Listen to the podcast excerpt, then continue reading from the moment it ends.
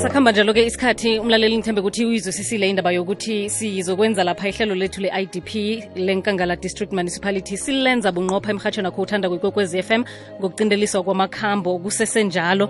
Kanti-ke nginabahlonitshwa ababili eh, sino-acting executive mayor wenkangala district uma umakhabane bese-ke nobaba oyi-executive mayor yangale nge-victor khanye ubaba ubhuda. Baba ubhuda lotshani uzasithulela umhlonitshwa wenkangala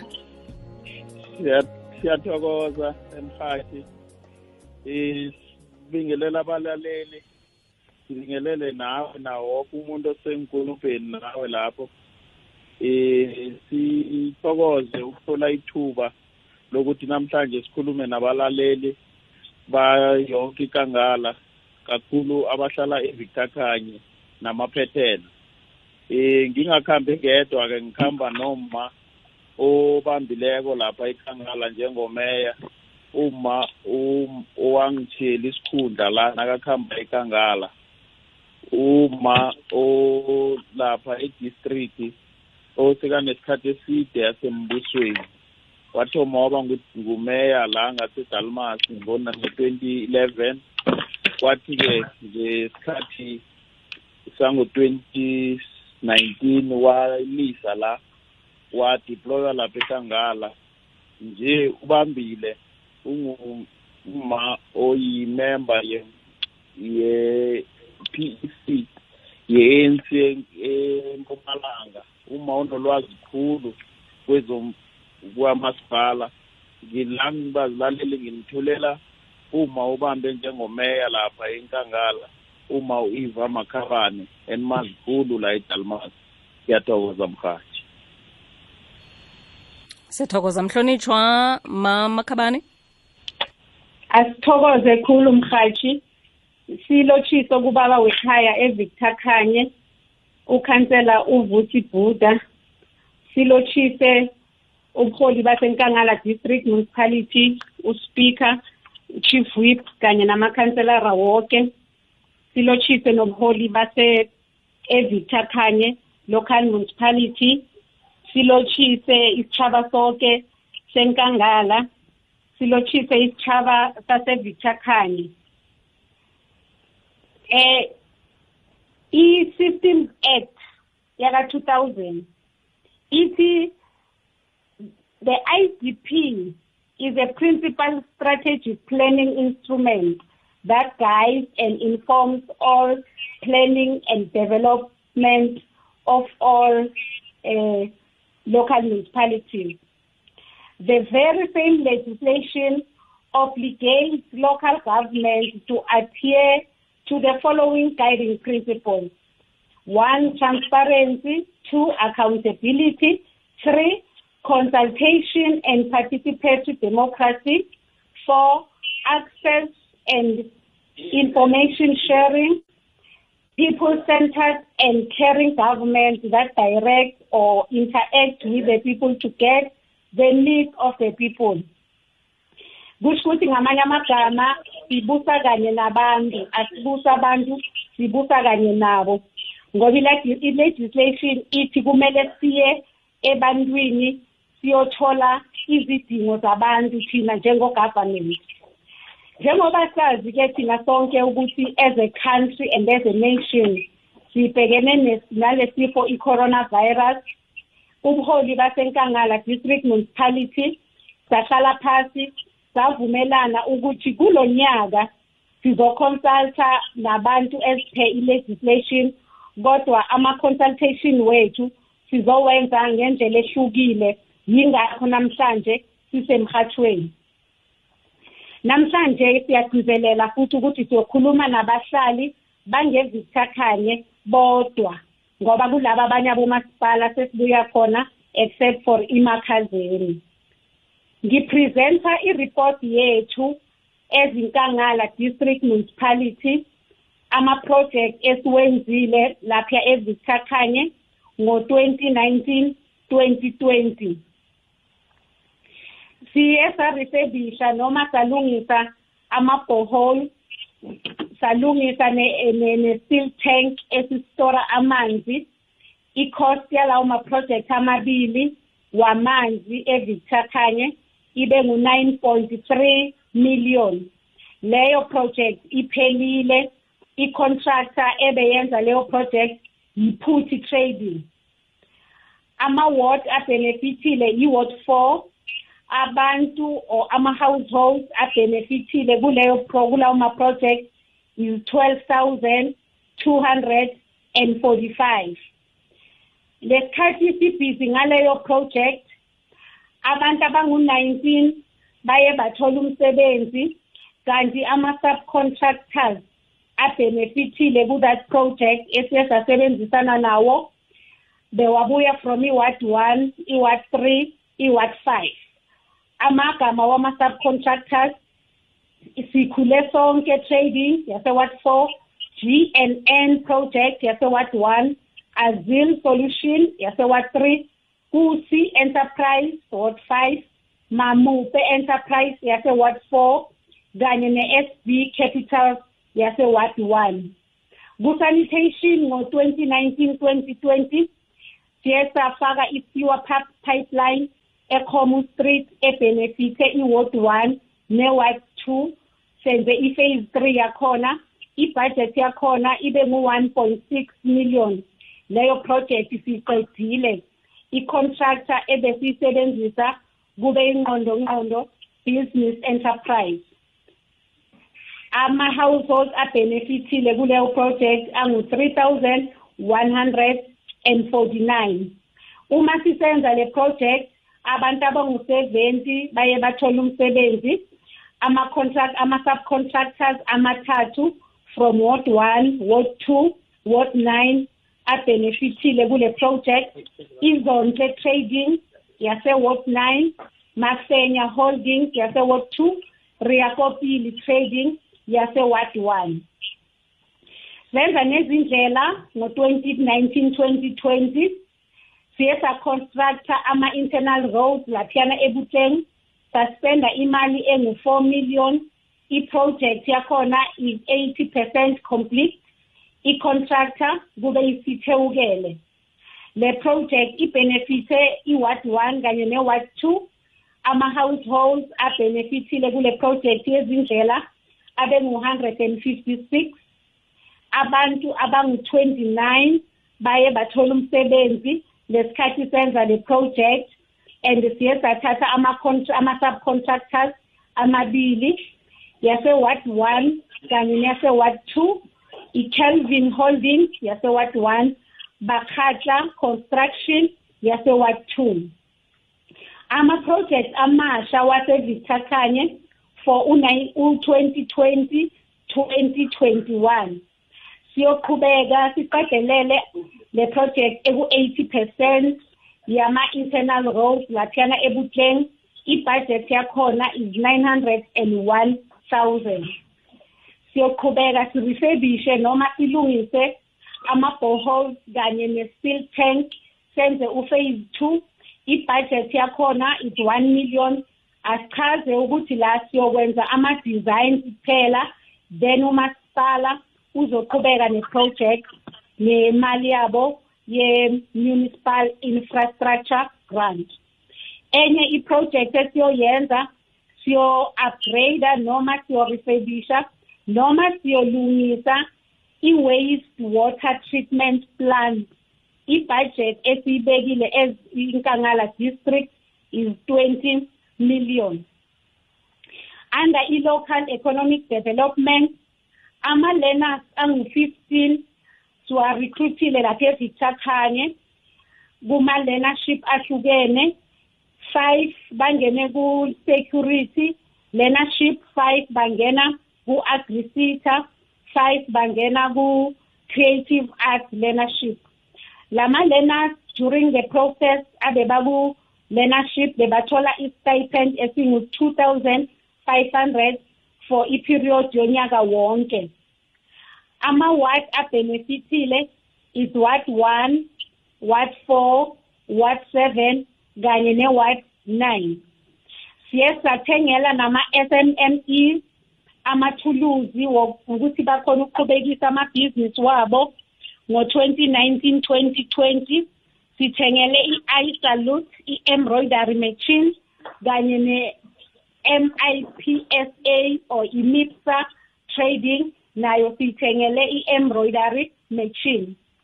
ama-SMMEs e-approviwe ezithakhanye esizobathengela amathulusi ngonyaka omusha i-2020 2021 angu-10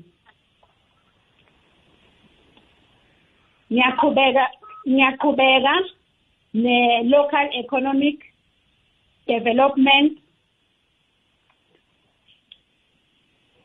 Ngo-2020 2021 sisazoqhubeka sirecruite ama-learners angu-six for i-security learnership. I-budget yakhona is two million. Sisazoqhubeka sithengele ama-SMMEs njengoba ngishilo ukuthi azoba ngu-10 kule financial year yaka-2020 2021 sizobathengela amathulusi. Ibudget esibekile is 6.3 million. And then senze sibenzele ne-town planning laphiyana ezithakhanye sibenzele ama-project amabili. Siye sareviewa i-land use scheme. I-project yakhona and seventy thousand siyiqedile leyo project. Senza i-feasibility study for integrated human settlement. Suspenda imali engango-five hundred thousand. Leyo project iku-hundred percent complete. Sesingena ku-social services. Siye saba nama-education awareness campaign ngo-2019 2020 angu-25 lama-awareness campaign bewafaka phakathi municipal health services mandela day women in business dialogue men sector gender based violence people living with disabilities hiv and aids teenage pregnancy moral regeneration kanye ne-drug and substance abuse. If i-budget esiye sayispenda kulama project angu-25 ngo-2019 2020 ingu-2 million. Siye sabadilivela ama-sanitation booth laphiyana ezithakhanye uma kuqala i-covid-19 badilivela ama-sanitation booth amabili. Ama-students angu-four wase-victor khanye baye babenefitha ku-mayoral bursary i-budget yakhona ibe ngu-three thousand and fifty-nine. Siye safaka ama-park home for ama-municipal health services wethu. I-budget yakhona ibe ngu-one point four million. Sesingena ku-finance. Evictor khanye sibenzele i-ICT audit. Imali esiyisendile kube ngu-two hundred and fifty-two thousand. Sabenzela i-SCM audit. Imali esiyisendile ibe ngu-one hundred and sixty-eight thousand. Sabenzela i-compliance audit. Imali esiyisendile ibe ngu-two hundred and fifty-two thousand. Senza i-loss control audit. Imali esiyisendile ibe ngu-two hundred and sixty-two thousand. Lama-project siwenze ngo-twenty nineteen twenty twenty and aphelile aku-hundred percent. Siyi-district ngo-twenty twenty twenty twenty-one siyobenzela i-SCM data verification system. Ne-close uh, out project ezobiza 68000 si-establishe i-anti-fraud and i-anti-corruption hotline lapho abahlali bazokhona ukuthi bafone bakhone ukuthi uma bafila ukuthi there are corrupt activities bakhone ukuthi baripote khona.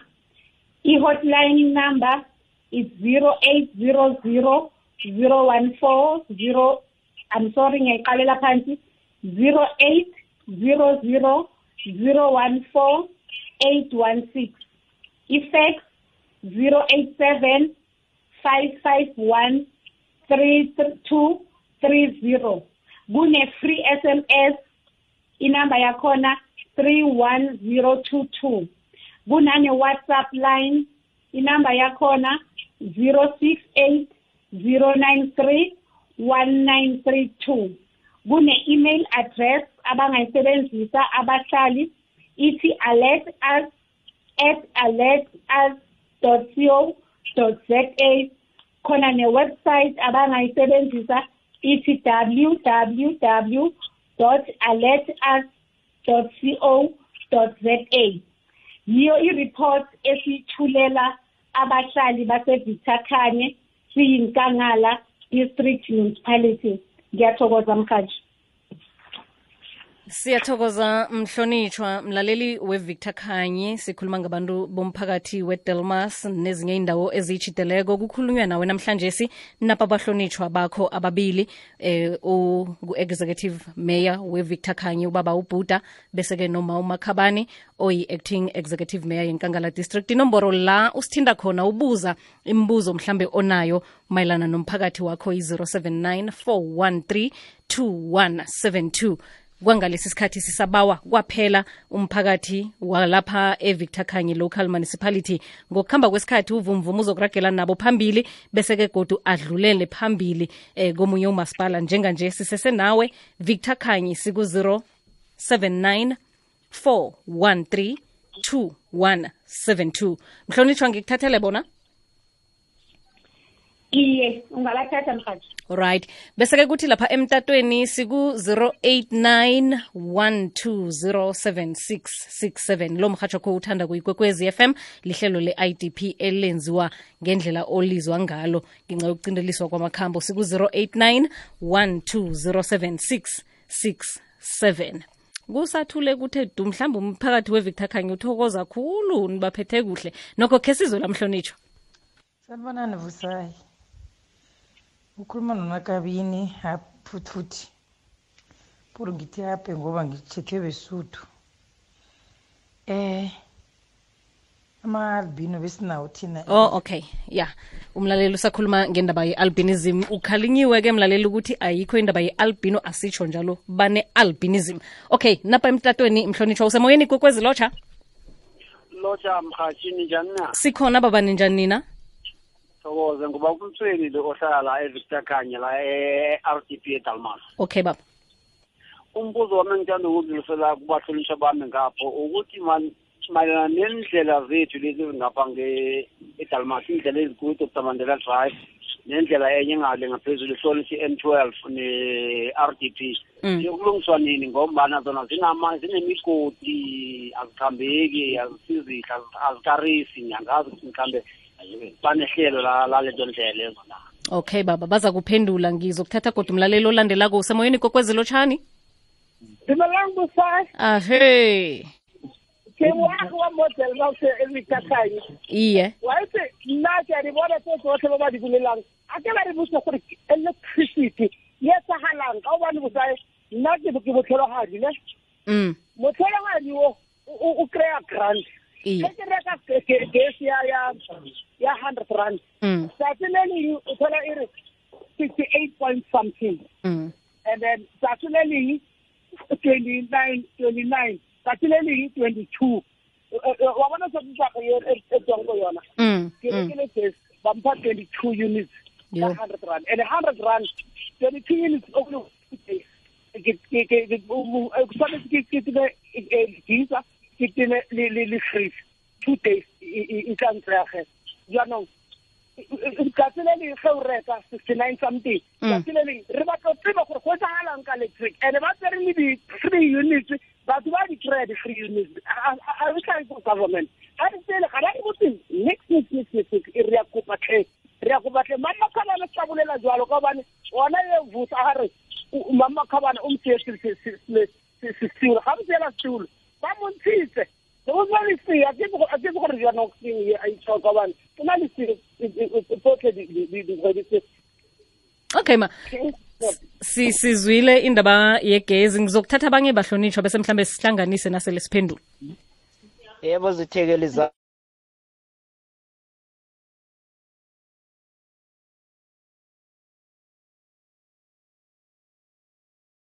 ukuthi ngiyanizwa zonke imali niyazibala mara ukulungisa kwendlela kone lokhu imandela road le kuhamba kiyo ama- amateksi kuwo wonke umuntu. Ayilungiswe leyo ndlela leyo. Ipetshwa mihla namalanga ipetshwa mihla namalanga leyo ndlela leyo. Kanti kahle kahle kwenzakala Hmm. kuvela indaba yendlela. Ngizokuthatha omunye umlaleli kunomhlonitsho olahlekileko angizukwazi ukuthi ngimuphi kodwa nangizayithola indaba. Hayi busayi kunjani? Oh khuluma nomavis sigawuke delmas. Ng- ngicela ukubuza abahlonishwa lapho ukuthi manje na ngihlala la esectionini emandela. Cishe sesiyoceda i-five years. Sina four years siceda five years silana emandela. Bagcina ngokusifakela ama-toilet we-sanitec. So abasi-update abasho next ngathi ukuthi kwenzakalani but izindlu siyabona ziyakhiwa ngale kuthuliwe nje abasho next abasi-update nganext so bengifuna ukwazi ukuthi manje nabasibekaphi thina? Bathini ngathi? Thank you. Eh lotsha sisibusayi. Eh bengisaba ukubuza mani kuma lapho eh ngendaba zamathenda lezo ukuthi ayikho indlela ebangayenza mayelana nokuthi mhlambe umbereko lo bawukhiphe ngenye indlela not ithenda ngoba ithenda kuqala mase kuhlomula abantu ababili kuphela then the rest abantu abasebenzile lapho bathola ama-change eh abantu ababili labo baphume nesizumbulu semali. Manje ayikho enye indlela ebangayenza ukuthi umbereko lo khe bawuhlele ngenye indlela ukuthi mhlawumbe bayazibambele bona mathupha bacashe abantu into ezifana nalezo noze banikeze umuntu omunye ithenda then umuntu loyo sekawuthenga inkolo ezidurawo ngemali leyo sekazokwakha iinthabathaba zezindlu ngemali leyo. And ungahlomuli. Ngiyathokoza. Sithokoze mna kwethu. Lapho kunye-ke bengisayokufuna abahlonitshwa kodwa ngiza kubuyela kumamunye engingakamuzwa abahlonitshwa indaba yindlela indaba yigezi rdp umlaleli osekugcineni lo uthi akunahlelo elinye ekungenziwa ngalo imisebenzi yomphakathi ngombana indaba yamathenda ihlomulisa umuntu munye kuphela abanye bathola i-change yeah. Ngizobawa executive mayor aphendule lezi eziqalene nabo nami ngizokuphendula lezi eziqalene nazo okay. Lezi esizithuleko-ke zindlela ngezalapha ema-rdp ngezalapha edelmas. Babu- ubaba ubhuda yeah no sithokoze mhathi eh sithokoze abalaleli ukuveza abakuchoko eh siyile kubalaleli. Abahlali bala eVictor Khanye sibatshela ukuthi uhlelo lwakamasipala ukuthi i-financial year yakwamasipala ithoma ngoJuly iphela ngoJune ngonyaka olandelayo. So-ke imali esivane esiyisebenzisa sisuke siyisebenzisa kuleyo nyaka zimali. Siyazi indlela i-RDP yindawo etsha eqeda ukuba khona. Cabanga ukuthi ikalela ngabo 2014 inezindlela eziningi indlela zakhona zisese yibhutshu usho ukuthi zisese ama-gravel road. But ke i-mandela drive indlela endala yase-victor khanye. Indlela eyenziwa i think mhlambe sekudlule iminyaka nangaphosise ngu-fifteen yenziwa. So ilimele sikhuluma nje. But-ke into esifuna ukuyitsho kubalaleli esihlale siyitsho kibo ukuthi i-budget esiyenza ngayo izindlela ayisi ayisi budget eningi ngoba siye sibale ukuthi ngolo nyaka lo siyokwenza sinemali engaka yokwenza indlela. Njengoba umeya wase-district bekatsho basihelebhile ngezindlela ezimbili unyaka lo opheleleko ebezilimele nazo. So imandela drive kulo nyaka zimali lo sitshilo ukuthi sizolungisa yona imandela drive but kuyoba yimali esifuze ukuthi siyithole kubalaleli. Njengoba siyitsho-ke ukuthi kubalaleli indlela le mandela drive sizoyilungisa kulo nyaka zimali lo u-twenty u-2020 2021 that means leyo financial year ithome ngojulayi waka-20 iyophela ngoJu- ngojuni waka-2021 phakathi kwaleyo te- kwale- kwale- kwaleso sikhathi sizoyilungisa indlela yemandela drive ngoba ngiyo indlela e- elimele khulu. Mara kunezinye-ke izindlela ebesithe siyozenza engeke sisazenza ngoba siyobe sithatha yonke leyo mali efuze siye kuyo kulezi ndlela siyolungisa imandela drive. Kunendlela le esayenza imabuza ezange iphele kunyakazimali ophelile esiyiqedelelako nje sikhuluma nje abantu basesayidini baqedelela leyo ndlela leyo. I- uthi umlaleli omunye nangisakhumbula nangisakhumbula kuhle uthi into yamathenda ngcono iphele. Kanti-ke um- into yamathenda sonke njalo sisale sitsho njalo ungalandela zonke iy'ncwadi ezivela kuma-conferences abantu batsho njalo. Mara-ke umthetho owaba khona ukuthi ukuze ubone uma unikele omunye umuntu owazi indlela uyoyilungisa ngendlela leyo kuhle. Mara-ke isibono umlalela asinikezako esifuze naso sisikhonda sis- sisicabange ukuthi mhlambe singasenza ukuthi indlela zenziwe babantu. Ma uzokhumbula indlela ephakathi lapha e- e- e- e- e-extension three yenziwe babantu. Zange sinikeze abantu amathenda. Umuntu esimcatshile umuntu obekazokuqala ukuthi indlela leyo yenziwa ngendlela e-right na? Ngoba masichatsha ma- sinikela amathenda sisuke sifuna abantu abagogodileko ekwenzeni izindlela ukuthi basenzele zona kuhle kunokuthi sizenziwe babantu ngoba mawucala yona le ndlela ephakathi mlambo road eh ayisihle khulu. Kodwa iceda ukwenziwa and siyinikela abantu ukuthi mabayenze. Zange yenzekale ngendlela mara ma uyinikele umuntu ogogodileko onesitifiketi sokwenza indlela usuka kwenzela indlela. Siyazibona indlela zas- lezi ezenziwe inkangala ezenziwe lapha e- itawu street ukuthi yihle njani. Ngoba bahlonitshwa ngiba ukunibamba kancane sisazokubuya nani? Abalaleli nemibuzo isesemnengi nokuphawula kodwana-ke sikhathi sokuthi sidlulise lapha indaba ezifundwa njengesimbi yesumi nambili. Bese-ke mlaleli ragela phambili novusu nabahlonitshwa bethu enkangala district nevictor khanyi ngemva kokuthi sizwe indaba le igwekwezi FM kukhanya ba. Kukhanya ba. Ikwekwezi fm siyabuswa.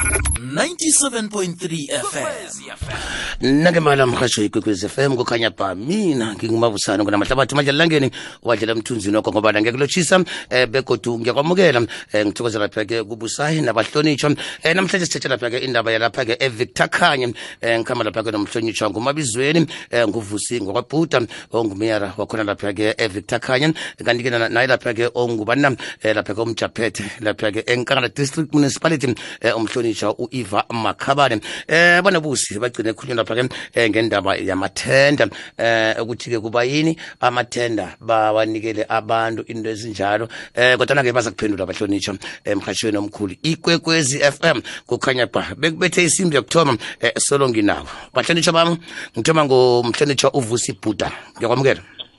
Ngiyabukwamukela ma- mabusana aha. Eh mhlonitshwa uma iva amakhabane ngiyakwamukela thokoze mhathi yeshe aha ungibiza kamnandi wathi mrhatshi vele nginguye. Eh ku- ku- ku- eh ni- nigcina nini nisakuphendula nendaba yamathenda. Eh ngidobhe endleleni. Ya siyathokoza. Ind- indaba amathenda bese sitshilo ukuthi sinikela abantu abakhona ukusenzela izinto kuhle ngoba angithi kuyachiwo ukuthi lo muntu lo qualified ukwenza le ndlela leyo. Ngoba masiyinikela abantu eh ayi- abayilungisi ngendlela ekusuke kufanele ngayo. Mara-ke i-issue yemali uyatsho ukuthi aba- umuntu uthatha imali akuhambe nayo laba abasalako banganamali. Into esiyitshoko ngithi naku kuyachiwo ukuthi abantu ababerega kusektor enje ngokomthetho bazokuhola malini. Cabanga ukuthi ama-contractor lawa abhadala abantu according to ukuthi i- i- i-sectoral determination le ebekwa ngugovernment. So kusuke kungathi lo muntu lo akuhambe nemali eningi ngoba isuke iberegile leyo mali lapho. Yena usuke enze i-profit akhe mara-ke sizoyicala ukuthi si- ngobe vele isifiso sethu ukuthi lezinto lezi kuze zenziwe babantu ababerega kwamasipala nabantu abahlala endaweni. Sizoyicala nayo indawo leyo indaba leyo ukuthi siyenza njani. Indaba yegezi ukuthi eh masi kunomthetho esawuvumelana nabalaleli masiproposa ibudget ukuthi laba abantu abangaba- abanga- abasikolotako abakhona ukubhadala abangaka-aplayi ukuba kwa-indigent list yethu. Uzothi nakathenga igezi sithathe i-sixty percent yemali ayikolodayo yena simnikele igezi ye-forty percent. Mm. ngoba uma ungakolodi vele sizokunikela igezi akho iphelele mara ma ukolodako ukhona ukubhadala sizothatha i-sixty percent. Ngoba lokho kusihelebhile ukuthi eh sikhone ukubuthelela imali zakamasipala. Abantu abalaleli bazokukhumbula ukuthi kunje sinesikoloto esikhulu saka-escom sinesikoloto esikhulu saka-rand water kwezinto abantu abangakazibhat- abangakazibhatali so sizama ukwenza i-credit policy yethu esayibeka sayipresenta kubalaleli bayivuma nayo. Yiyo le esi-aplayako mhathi ngiyakuzwa. Iye. Ngiyakuvulela ku-089 120767089 1207667 nalapha-ke ku-079 413 079 413 ngaphambi kokuthi mhlawumbe ngidobhe umlaleli mhlonitshwa bahlonitshwa bami ningabe khona nifuna ukudlulisa ningakudlulisa bese sijinga kumlaleli. Ngicabanga ukuthi umeyara uphendulile imibuzo ebuziwe singahagela phambili. Ahake ikwekwezetshe alo mafusana nivukile. Kunjani ah siyaphila. Ngikhuluma nabani kuphi? Ukhuluma novusi esigabeni. Uvusi esidakeni iye baba. Mm. U- uhla ikwekwezetshe hello mavusana njani? Ngikhona njani? Ngifuna be-victor khanye. Khona. Ya ngikhuluma nozodwa la kuwothi nine endaweni yase-ardini Mhm. ngicela ukubuza mina mavusana la kunemayini kune-environmental center. Mara kusebenza abantu bangaphandle abuyale kubondebele thina la asisebenzi namanzi asinawo. Ngicela ukubuza kuba kuvumisa ukuthi thina senze njani? Ngoba kuthiwa abantu belokuthini la bazosebenza lana amayini aseduze nathi thina sisebenzi kune imayini yabathi libero le. Abantu bakhona baselokuthini? Mara abantu bakhona bathathwa bonke thina la i-environmental center asisebenzi kuthiwa abantu abakude bayasebenza. thina siyasogola lana ngamanzi asiwatholi. Ngicela ukubuza ukuthi naye thina senzeni kuzwakele. Ngoba ikhansela lethu nandi ngubani? Ikhansela lethu ngubani?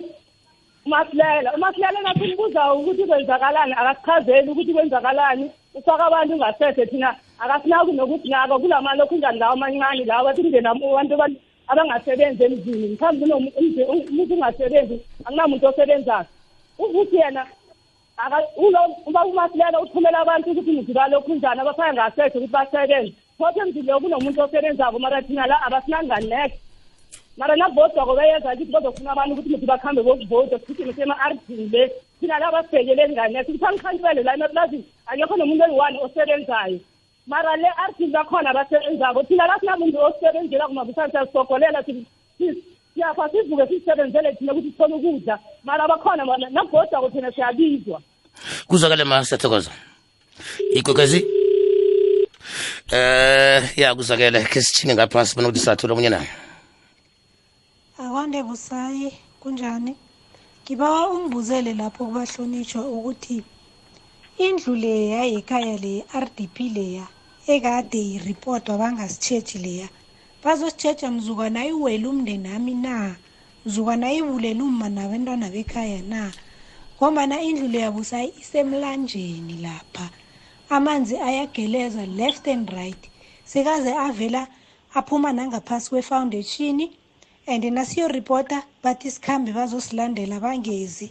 Mara nakuza amavoti busayi bangena baphuma ekhaya ungafunga ukuthi kubhujiwe bangena baphuma balandelana bathi sivoteli i-anc bazosihelebha abanye basitshela ukuthi sivoteli i-eff bazosihelebha mara kunahelebho busayi. Ngiba ungibuzele ukuthi indlu leya bazoyitsheja mzukwana iwele umndeni ami na ngoba na mina ngisakhona ukuthi ngikhambele indlu leya Mbuza- busayi ngoba sengihlala kwandebele ngende khona sengihlala emzini nje. Angisakhona ukuthi ngiyikhambele indlu leya. Maruma makaka-give up solo uyaya kamasipala bayamjikisa ekugqineni nje bathe eze nepasa lami weza nalo bamjikisa bathe eze nami. And busayi mina ngiberega emakhitshini and sengihlala kwandebele angisakhona ukuya ekhaya. Mzukwana babhubhile boke ekhayapha kumzukwana bazokusikima na? Gogoza chai. Gogoza chai. Hello njani? Gogoza chai. Yebo, kunjani? Sikhala njani? Siyaphila bodi. Eh ukhuluma noSolethu Masilela ngila e-extension 7 Mhm. e Ward 4. Ngicela ukubuza mina kuVusibhuda ukuthi makathi igezi eh bona savumelana ukuthi bazothatha 60% and then le 15% ye tax kumele bajike bayithathe kithi na? Because uma uthenga igezi 100 rand bathatha 60 rand. Bese ke kule 60 rand le 15% yayo ijike ithathwe kule kule 40% wena odla kiyo. Ngibuze kulo mama ukuthi njengoba abantu balungisile ama-boreholes thina ngapha extension seven i-r d p uma sisesena nenkinga yamanzi sidlula njani? Because every day amanzi siwakha ngo-twelve ebusuku or or ngo-six ntambama emini amanzi awekho abuya every day ebusuku ngiyabonga mhathi Siyathokoza. Sithola umoya gogoza chai. Chaba, Baba na. ngivukile na. Kade sivukile yazo. Ngithokoze. Eh man ngisaba ungazisho igama mina wethu. Ngisaba ungibuzele man inthekeli zakho ngapho. Eh kunendlela enye angazi ngathi ihlukana kabili. Indlela esuka from R50 engena ngase Esterpafontein. Yacabanga balazi lelo plaza lelo.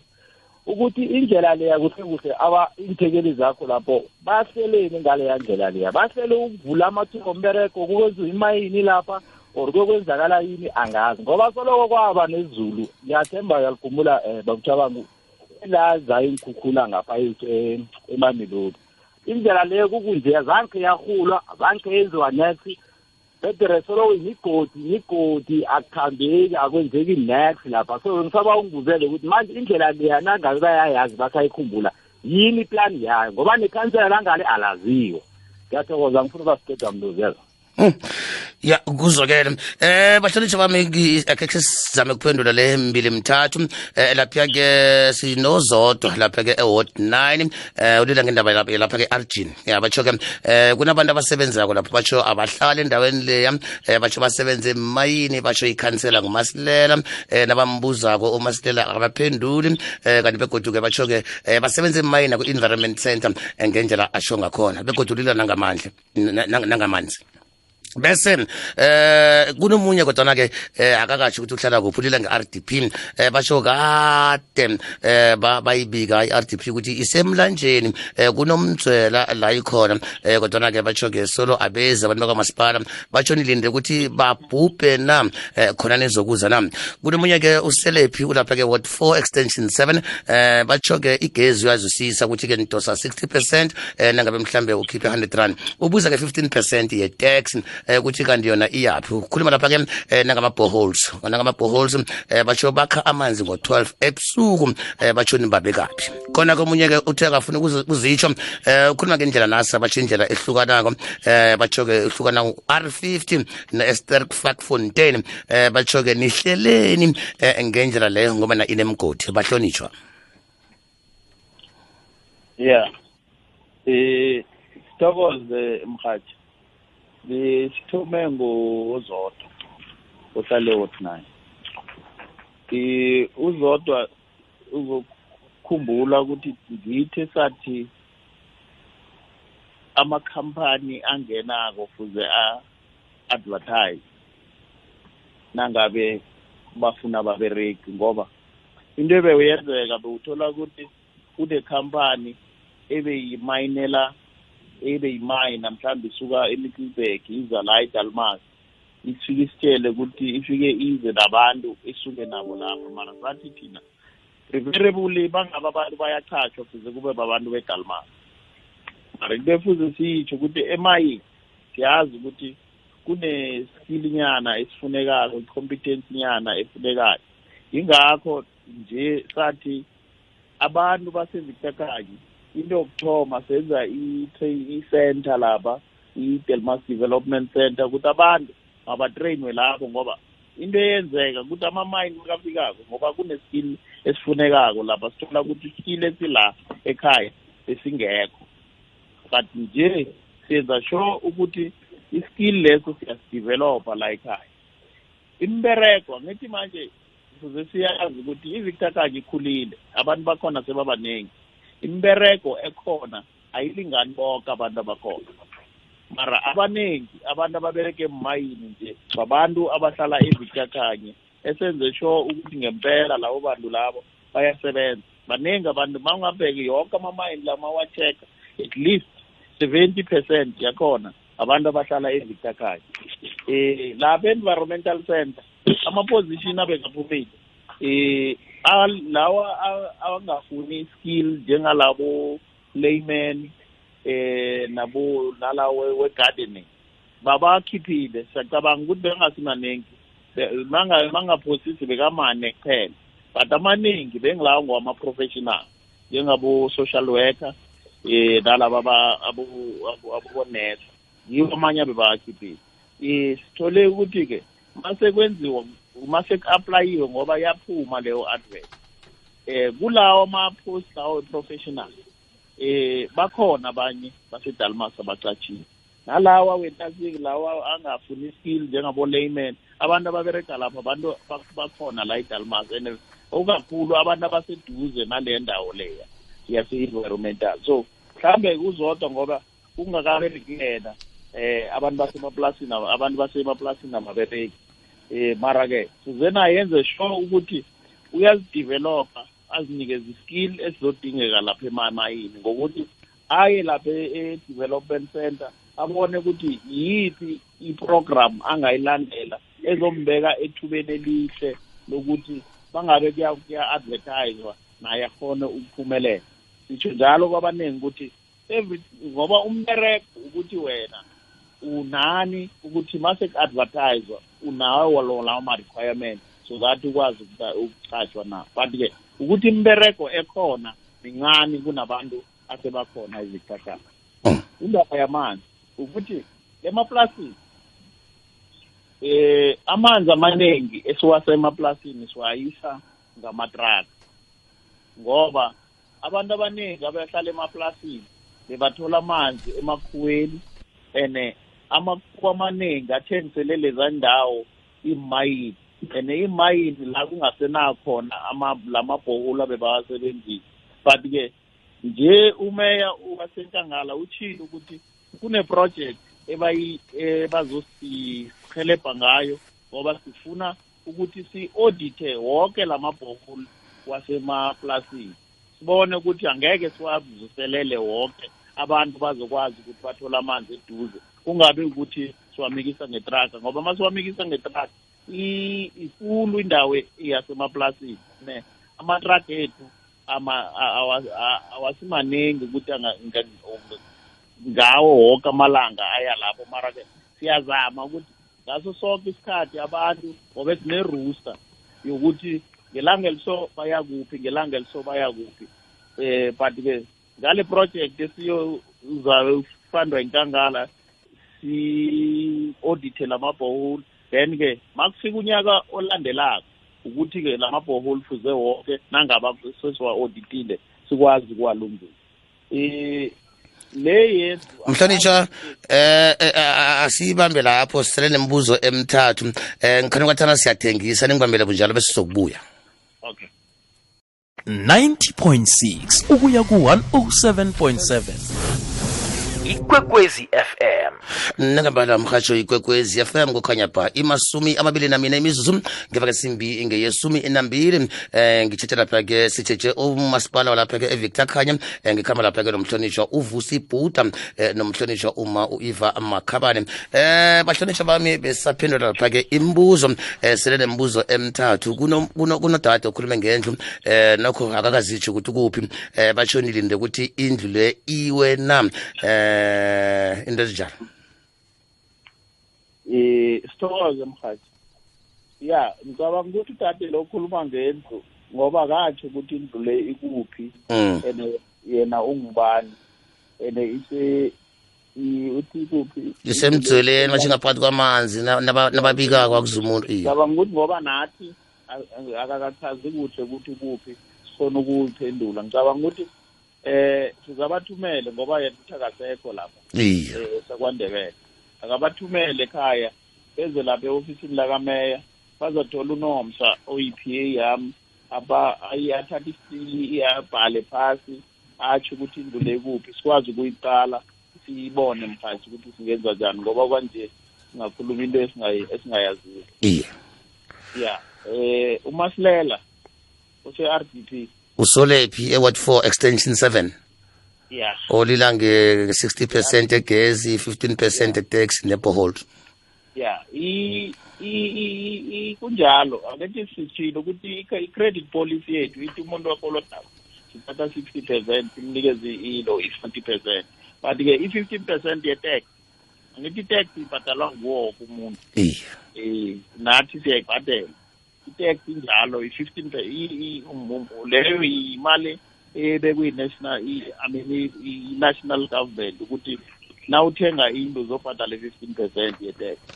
Mhm. Eh, ya i amanzi eh imitakanye ikhulile mkhanye eh ma ungaqala ngo-2011 abantu abebehlala khona beba around eh i think 75000 Oh. currently abantu aba i-2017 makwenza i-preliminary bathi abantu balapha bangaba about 85000 cabanga ukuthi ngo-2017 till manje bangaka abantu asebafikile ngoba abantu balandelela amathuba. Ivictor kanye ngokuwanda kwemayini nokwanda kwamanye amafema abantu beza khona bazohlala khona.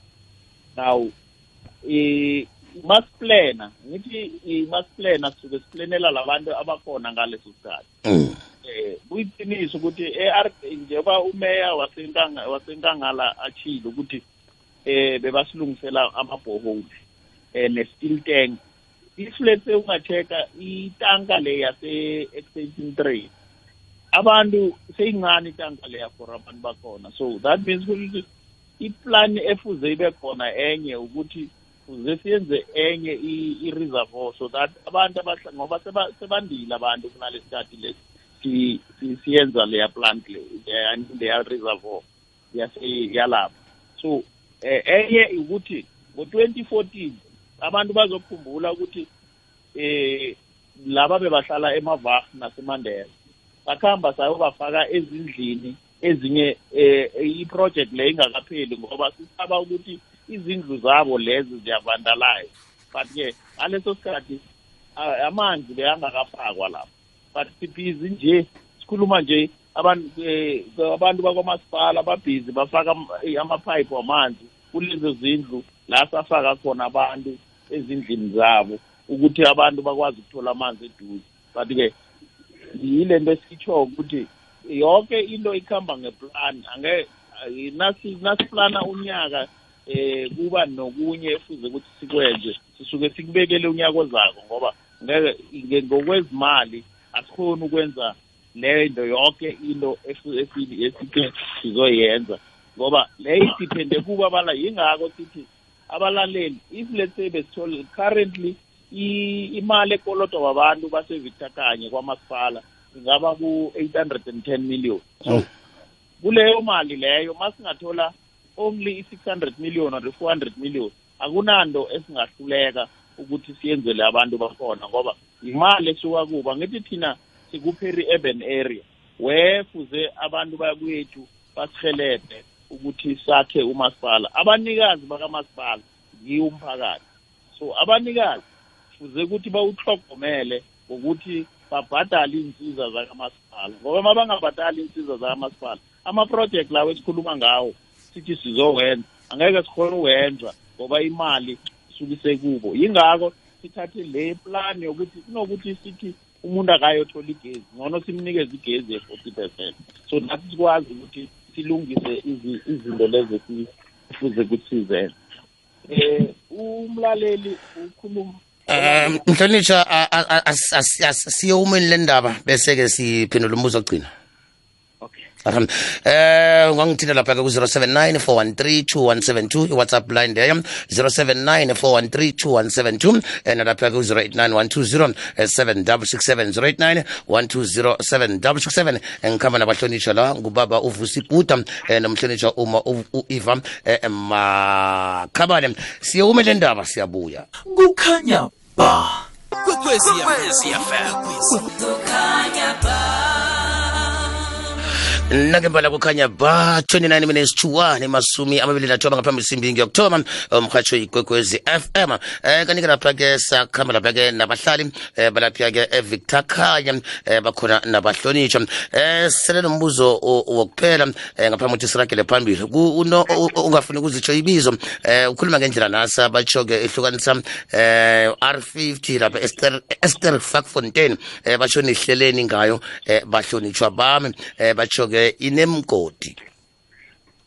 Yeah eh mhathi eh umlaleli nangimuzi Esther Farfontein eh, nangicabangako indlela ye-Esther Farfontein ile ndlela esuka ngasematafuleni la kuphelela khona ibhoda ye-Victor Khaya ngicabanga ukuthi leyo ndlela leyo ifola under i-Ikruleni yase-Esther Farfontein mara sizakwenza isho siqale ukuthi ngoba angithi la ibhoda i- iba ukuthi indlela eh kuba ngokuthi iphelela ngakuphi ngoba yona yase yasekuruleni cabanga ukuthi sizayoyicala sibone sibone ukuthi if ungabe ingaphasi kwekuruleni eh then bese siyabona ngoba izindlela zalapha emakhaya emaplasini zisetshenzwa yi-department of public works yasempumalanga. So sizobathinta nabo sizwe kuwe kokuthi indlela le ayitshoko umlaleli ifola ngaphasi kwe- kwabo kwadalo kwevictor kanye na mangabe ifola ngaphasi kwevictor kanye that means i-department of public works ekhona la ekhaya ehula izindlela zasemaplazini sizafuza ukuthi iyehula mara bayiwela ngaphasi kwe- kwekuruleni nakhona sizabathinta basekuruleni ukuthi babahelele siyabonga mkhulu Aha. I- i- is- singakayi phambili mhlonitshwa eh esikhathini esiningi nevane sikhuluma mhlambe nabomasipala ngokuhlukana kwabo eh vane kuvele naba- naba- naba- nabanengongoyilo eh mhlambe abahlali. Bese kuba nempendulo zokuthi awa le ayifuni umasipala eh le ifuna inkangala le ifuna iprovince le ifuna inational.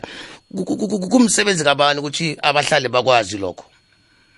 Eh kungumsebenzi wethu lokho mhlawumbe. Ingaba eh yiko ngithi sizayoyiqala bese si eh, nakhona ukuthi angithi nase siyiqalile indlela le angeke sithi ngoba le ifola under i i- i- i- ikuruleni or ifola under i- i- i- inkangala and then angeke sibathinde yiko sizotsho laba fuze bayisebenze ngoba abantu basevictor kanye umuntu ofuze abakhulumele ngimi aha. I sofuze sibakhulumele kuzakela mhlonishwa khe stop eminye imibuzo. Mm, ya kubonakala kunganambuzo la eh khe sisemtatweni kokwese che hello hello. Yebo. Kunjani? Sikhona njani? Bengicela ukubuza kubhuti lo okhulumako lapho kubuthi ukuthi makasenzala tesomarehe kunabantu abaqashiwe abayi-four. Mina bengicela ukuthi baqashwe njani ngoba njengami songikhisiwe emsebenzini mina ngingazi ukuthi ngiphume ngendlela ezinjani. And masengikuyelandela nabathi ngikhiphe ukhansela u-obama plan maye le ndaba la ngiyangidlisa ukuthi kwenzakale njani baze bangikhiphe u-obama plan afake omunye umuntu mina ngingakaziwa ukuthi kumele ngikhuphe. And ngifuna ngingasi icontract yami ingakapheli kanjani. Bobo usebenza ukwenzani? Mina yini ngisebenza i-CWB yini i-CWB la environment fence la ngisebenza khona. Bakucotshile angitholi kwenzakala bangikhiphile emsebenzini bangitshela ukuthi basho i-contract iphelile. Mara i-contract yami ifike isihamba likagcwali lokuthi unyaka uphelile. Ngazi ukuthi kumele ngisebenze two years. I-two years leyo ikapheli nokuphela ne-one years angayiqedi mase ngibuya sebafaka omunye bathi ngisiwe ngapha ngaphezulu. And ngikhuluma nomary bakhipha umary bafaka usiwe Hmm, okay kuzwakala lapho kuyinvironment fence lapho basengisuwe ngifuna khe angichazele-ke ukuthi makunjalo mina ngenze njani I- i- i- i- i- uphethe umtlolo otsho ukuthi icontract yakho iphela nini? Uyiphethe incwadi etsho ukuthi icontract yakho iphela nini? Angayenze ngeqedi nonyaka khani ngeqedi unyaka bekukhani Ngi- ngitsho ukuthi e- e- ebhaliweko ukuthi uyokusebenza bekufike nini uyiphethe? Ya I- i- itloliwe ukuthi uyokusebenza bekufike siphi isikhathi? Ya no babuzako wena-ke batheni kuwe?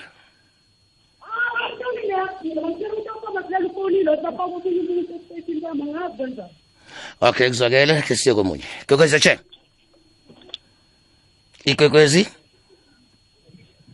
mhathi kunjani siyavuka njani nina ngiyaphila ukhuluma nosibongile edelmas ne-r d p n twelve.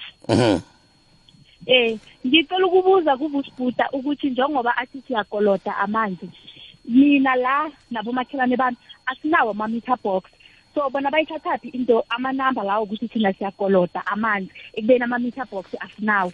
And nase-r d p la abanama- abanama-meter box khona abayo-check. Ama-meter box sewaze avalwe yinhlabathi. Mara bona bathi thina siyakoloda igezi indaba enjani leyo? Ngicela ukuthi angichazele nedi lapho kuzwakele mam eh sarakashika phambili sarakashika phambili. Ke sithole munye. Mavusana ngiyalochisa lapho ekwekwezini ngiba ukubuzela abantwana bakamanami. Umani wabethwa lizulu ngo-2018 i think ngabo october bebahlala eridcol dani-ke babathatha abantwana babasa edelmas. Bathi basho bazobakhela i-rdp soloko wango-2018 lo ngo-2017 abantwana abakakhelwa i-rdp lapho abahlala khona. Njengoba kuzocala izulu nje kuzonetha. And ngibawa nobabhuda aseblief alungise indaba yama-rdp walapho edenmas ubugirikitshani lobo bulapho basho kusedumato. Aseblief akhe babalungisa abantu abalapho abantu balapho bathengisa izindlu zabantu ngongasimthetho ngoba bafuna ukudla imali nje kuphela. Akhe ulungise umasipala wasevictor khanye ikwekwezi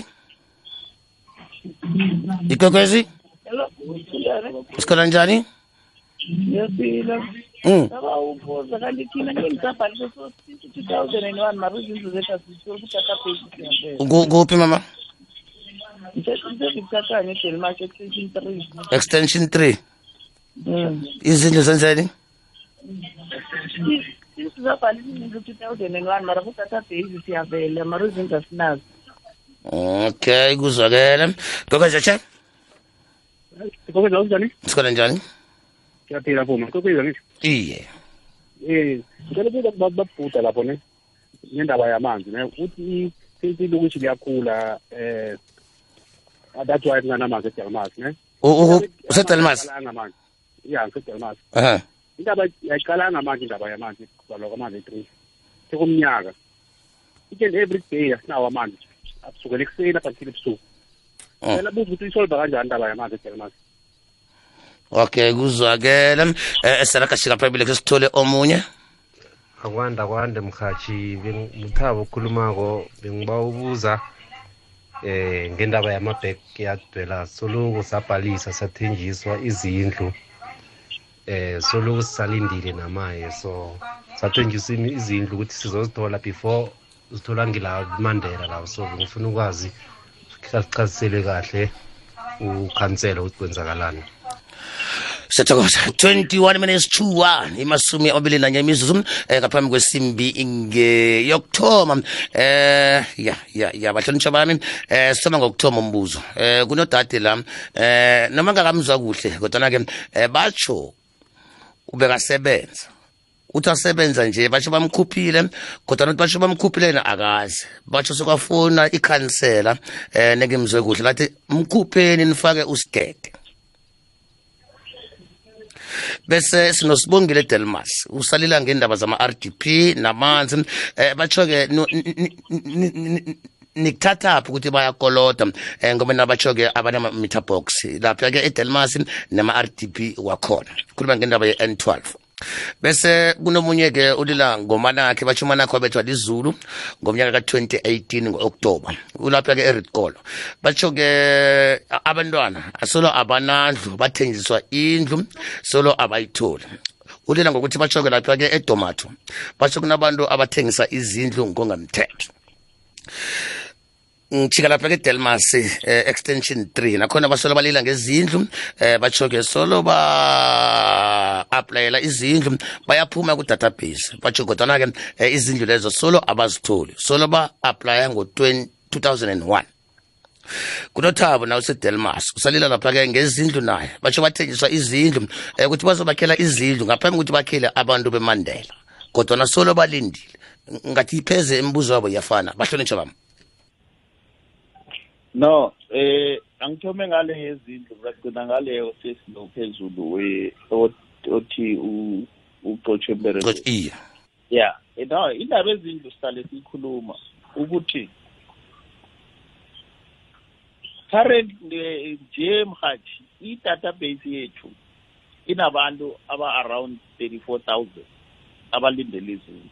And izindlu sizithola ku-department ye-human settlement empumalanga. So kulo nyaka zimali lo abakasinikezi allocation. I-allocation yonyaka ophelele ophambi kopheleleko sithole izindlu eziyi-one thousand six hundred. And ucabange ukuthi ma une-database yabantu abayi-thirty-four thousand uthole izindlu eziyi-one thousand six hundred. Abaningi bakhona abayozithola izindlu ngoba azikho. Awu-allocate-walanga lezo zindlu ngumasipala.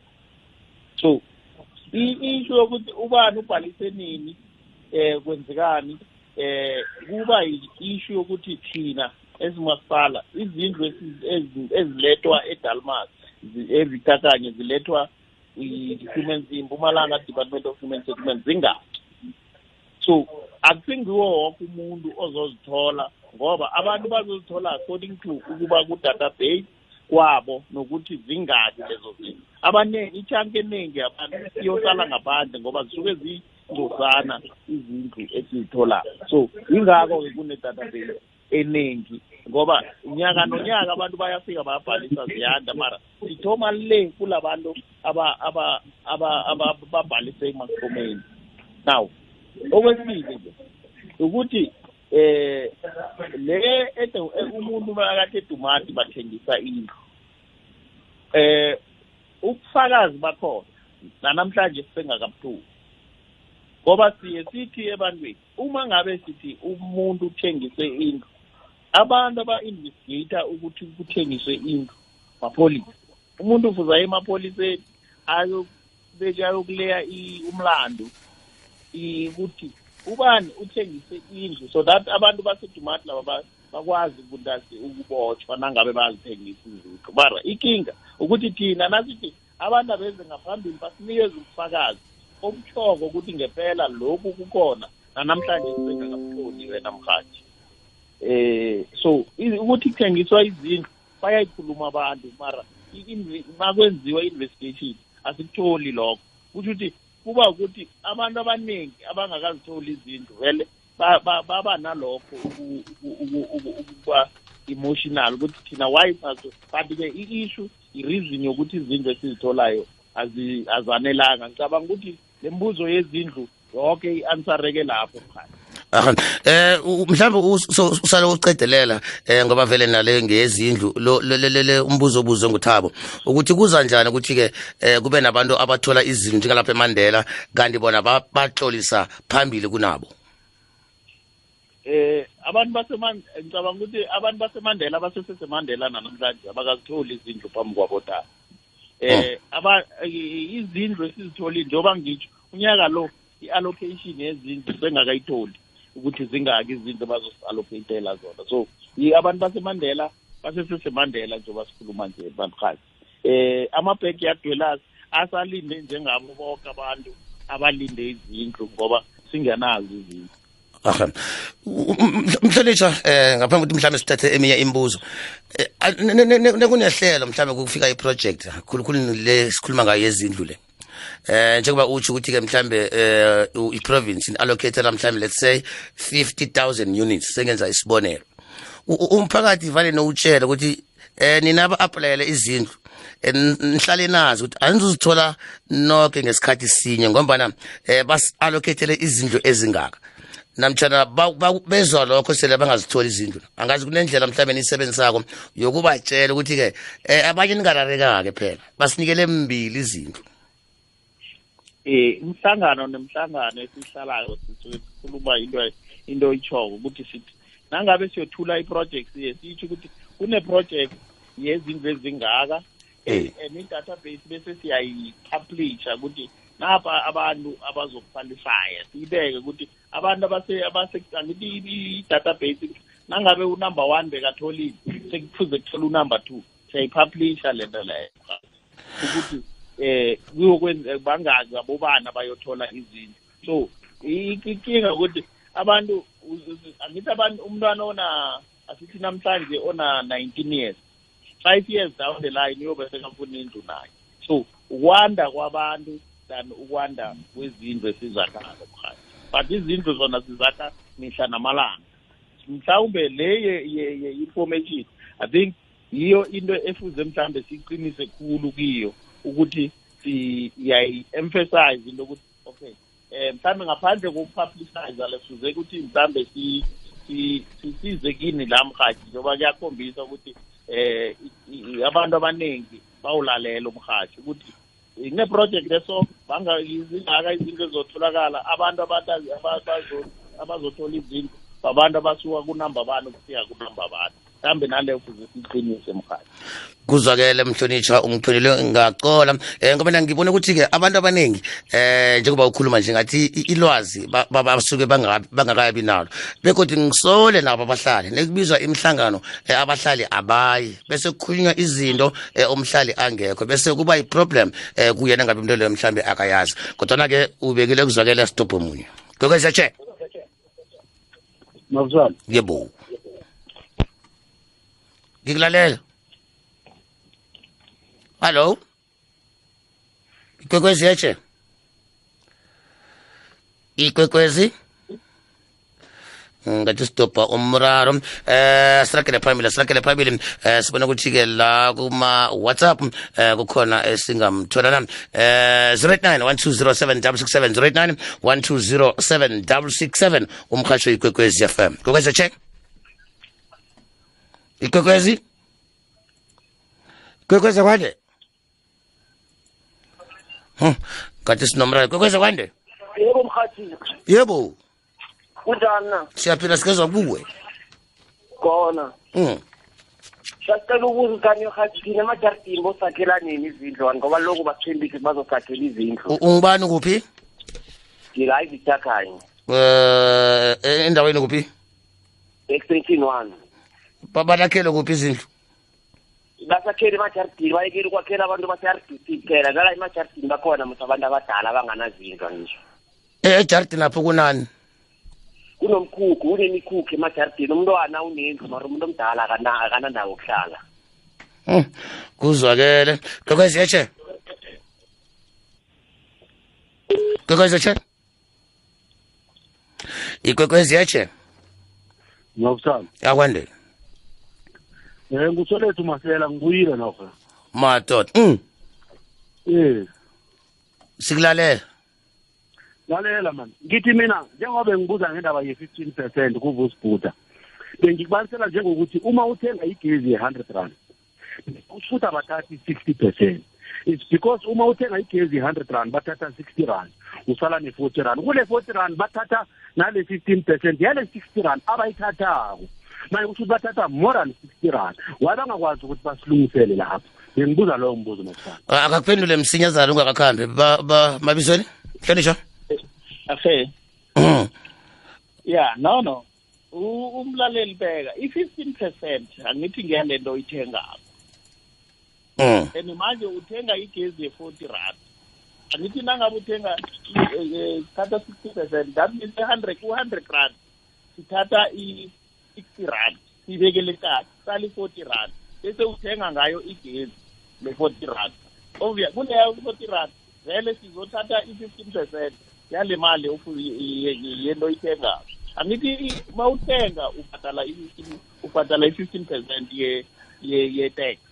So but umlaleli mhlambe into ekufuze ukuthi bayivuse. Angithi manje angeke sishintshe i-tarif phakathi konyaka. Mhlawumbe unyaka ozako nasoma unyaka ozako ukuthi no no ningathathi kule mali le engithenga ngayo. Mara leyo kumthetho ukuthi uthenga kule mali sithi mhlawumbe i-fifteen percent ibe kiyo yombili ibe kule mali esithathako for isikwelede sakhe plus nalesi yale mali ayithengako. Aha. ngicabanga ukuthi lokho kuzafuza ukuthi bakuphakamise kuqaleke ku-financially ezakho but nje ingaleyo ndlela Buda. eh eh eh eh, eh soselephi uzwile solethu no ngifuna ukubuza. Thina kufana nokuthi masithenga igezi ye-hundred rand kufana nokuthi sithenga igezi ye-twenty rand. Because sidoselwa nale fifteen percent yale sixty percent abayithathayo ibuye idoswe kule forty percent. Nayo into eziyikhasayo because thina uma sithenga igezi ye-hundred rand bathatha nale fifteen percent yale sixty percent abayithathako waye bangakhoni ukukhalkulata ukuthi malini fifteen percent yale sixty percent abayithathako bathathe that amount. Waye bangakhoni ukukwenza lokho? It's because bekunamaminitha kade basinika wona every month bawakhanselile abasasinikeli wona. But still thina siyalimala because uma uthe igezi hundred rand ufana ukuthi uthe igezi ye-twenty rand. Waye bangakhoni ukukhalkulata lokho? Hlonishwa yeah no ukuthi angithi la komasipala si sisebenzela umphakathi. Now imali esiyikholektako le suke siyikholektele ukwenza insiza zomphakathi ngoba umphakathi uyazifuna now if if let's angithi yonke le mali esiyicocako kwamasipala sisuke siyicocela ukuthi siyibeke ukuthi sisebenzise siyenze okunye esuke sesikubalile. Kufana njengale nto ayitshoko yama-free unit.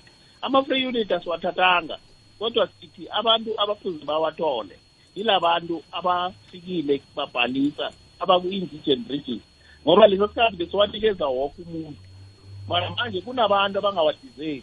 So abantu abasithi labantu abafuze beze bazobhala umuntu eze azobhalisa verify ukuthi ngempela lapha ekhaya akunamuntu oberekako akuberekwa kuyatlhagwa bese lowo muntu uyawathola. Mara nje ukuthi abantu bahlala umuntu akabhadeli akabhalisi then lowo muntu loyo makazothenga igezi sithathe i-sixty percent.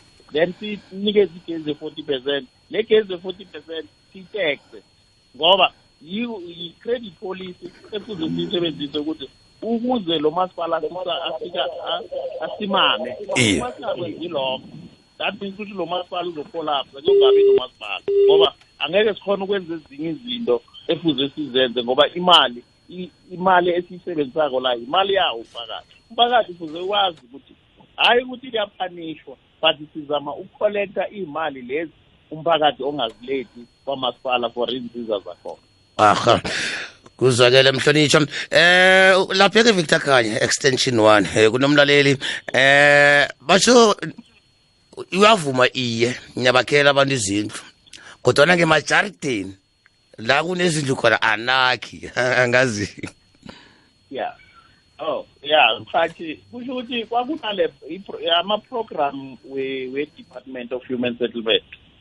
Bekune-program ebebeyiza ngokuthi i-p h p la besakhela abantu emajardini but-ke ngicabanga ukuthi leyo sayichaza kwabantwini ukuthi eh kunale project ye-p h p la bantu sibakhele emajardini kune program le yaku-greenfield la bantu sibakhele nje le yama-r d p la abayitsho khona ukuthi kuyakhiwe but le yama-p h p ye-p h p eh uminister wayi ngokuthini wayilisa noma wayidiscontinue.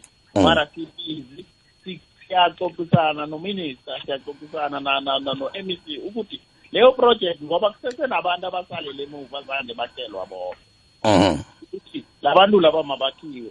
Isesengxoxweni lento leno nabo-m e c nominister ukuthi leyo program ayibuye ngoba kusesenabantu azange izindlu zabo zakhiwa abasemajardini aha.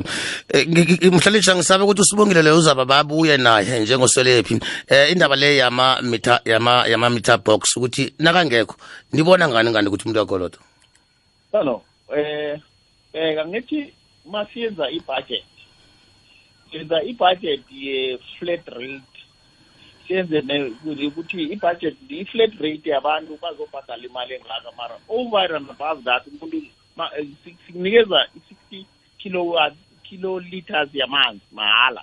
Then uma usebenzise ngaphezulu kwalokho kuze kuthi sikubhili mara-ke umthetho angithi uyavuma ukuthi la kunganamitha khona senze i-average. Mhm. Nalinganisa ukuthi ngaba so? Ye.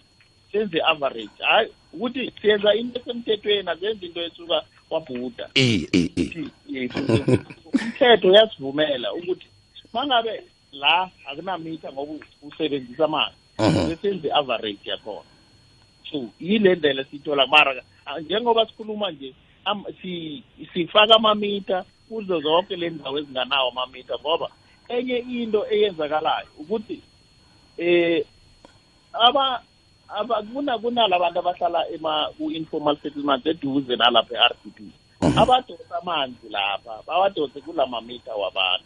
Okay okay. yeah so izinto esilwa nazo ezenziwa mphakathi efuze ukuthi sicede ngoba izinto umuntu abenefita yena yedwa. Mara Oh. sizacabange ukuthi idamage ayiphosako ngale nto le ayenzako i- ba- bangaki abantu abahlukumezekako. So ama- emamitheni njengoba sisho ukuthi nono bangekho khona senze i-average ukuthi eh i-average yakhona ingaba malini. Eh umthetho uyasivumela. Iya. Ngifuna ukuya lapha kulo othi wacotshwa emberegweni. No eh akunamuntu wacotshwa emberegweni. Ama-ep usesi ngiyabona bekakulaba be-epwp Mhm. and i-epwp si siyisebenzisa unyaka. Mhm. so lokuthi kunabantu abasayina amakontraka wethu yena sicalile indlela sayithola ukuthi azange ibe khona. Ba- batsho batsho uphethe umhlolo o- otshoko ukuthi ngifuna ukuthi siye phambi ukuthi na- na ukhetheko kuzawulethe lapha e-ofisini size sokuqala but ngoba kune angithi masinza i-program suke siyenza ngepolisi mhm. So then bese sinike thina siyenza amapolisi thina bese kuba nabantu ababereka ngalezi ipolisi ithi umuntu ubereka one year.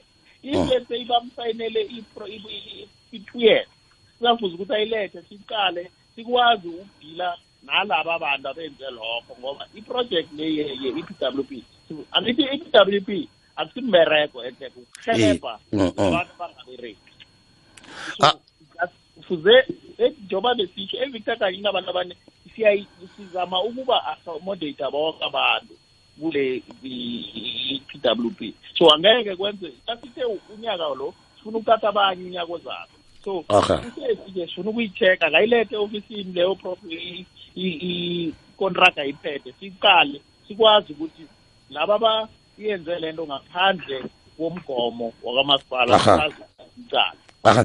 Ba- ba- bahlonishwa bami ngebanga lesikhathi ngebanga lesikhathi eh sizoyibeka la kodwa ke um nginomzuzu munye nginomzuzu munye um mhlawumbe ukuthi ke nithini eh, ebahlalini beVictor Khaya ngomzuzu munye um la ningenzi khona kuhle la lenza khona kuhle one minute bahlonishwa bami ngiyanirabhela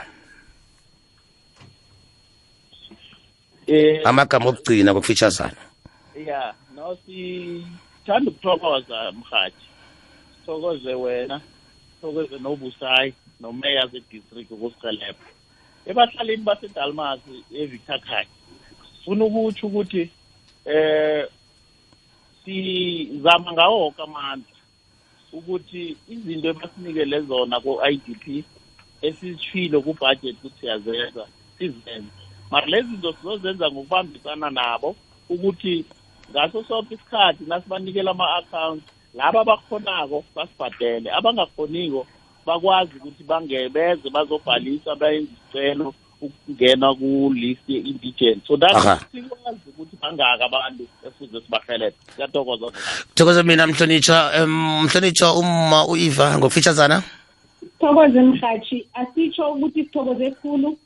Eh ku- ku- ku- meyara sitsho kubahlali basevictakhanye ukuthi yingakho isiyi-district eh sibanikeze inamba leya ye-fraud and corruption. Uma bacabanga ukuthi kuthengiswa izindlu laphiyana inamba yakhona ngiyibizile sibese siyatsho kuba- kubahlali nanokuthi bekumele sipresente ama-report wama-sector department mara uma size emhatshweni besingakawatholi.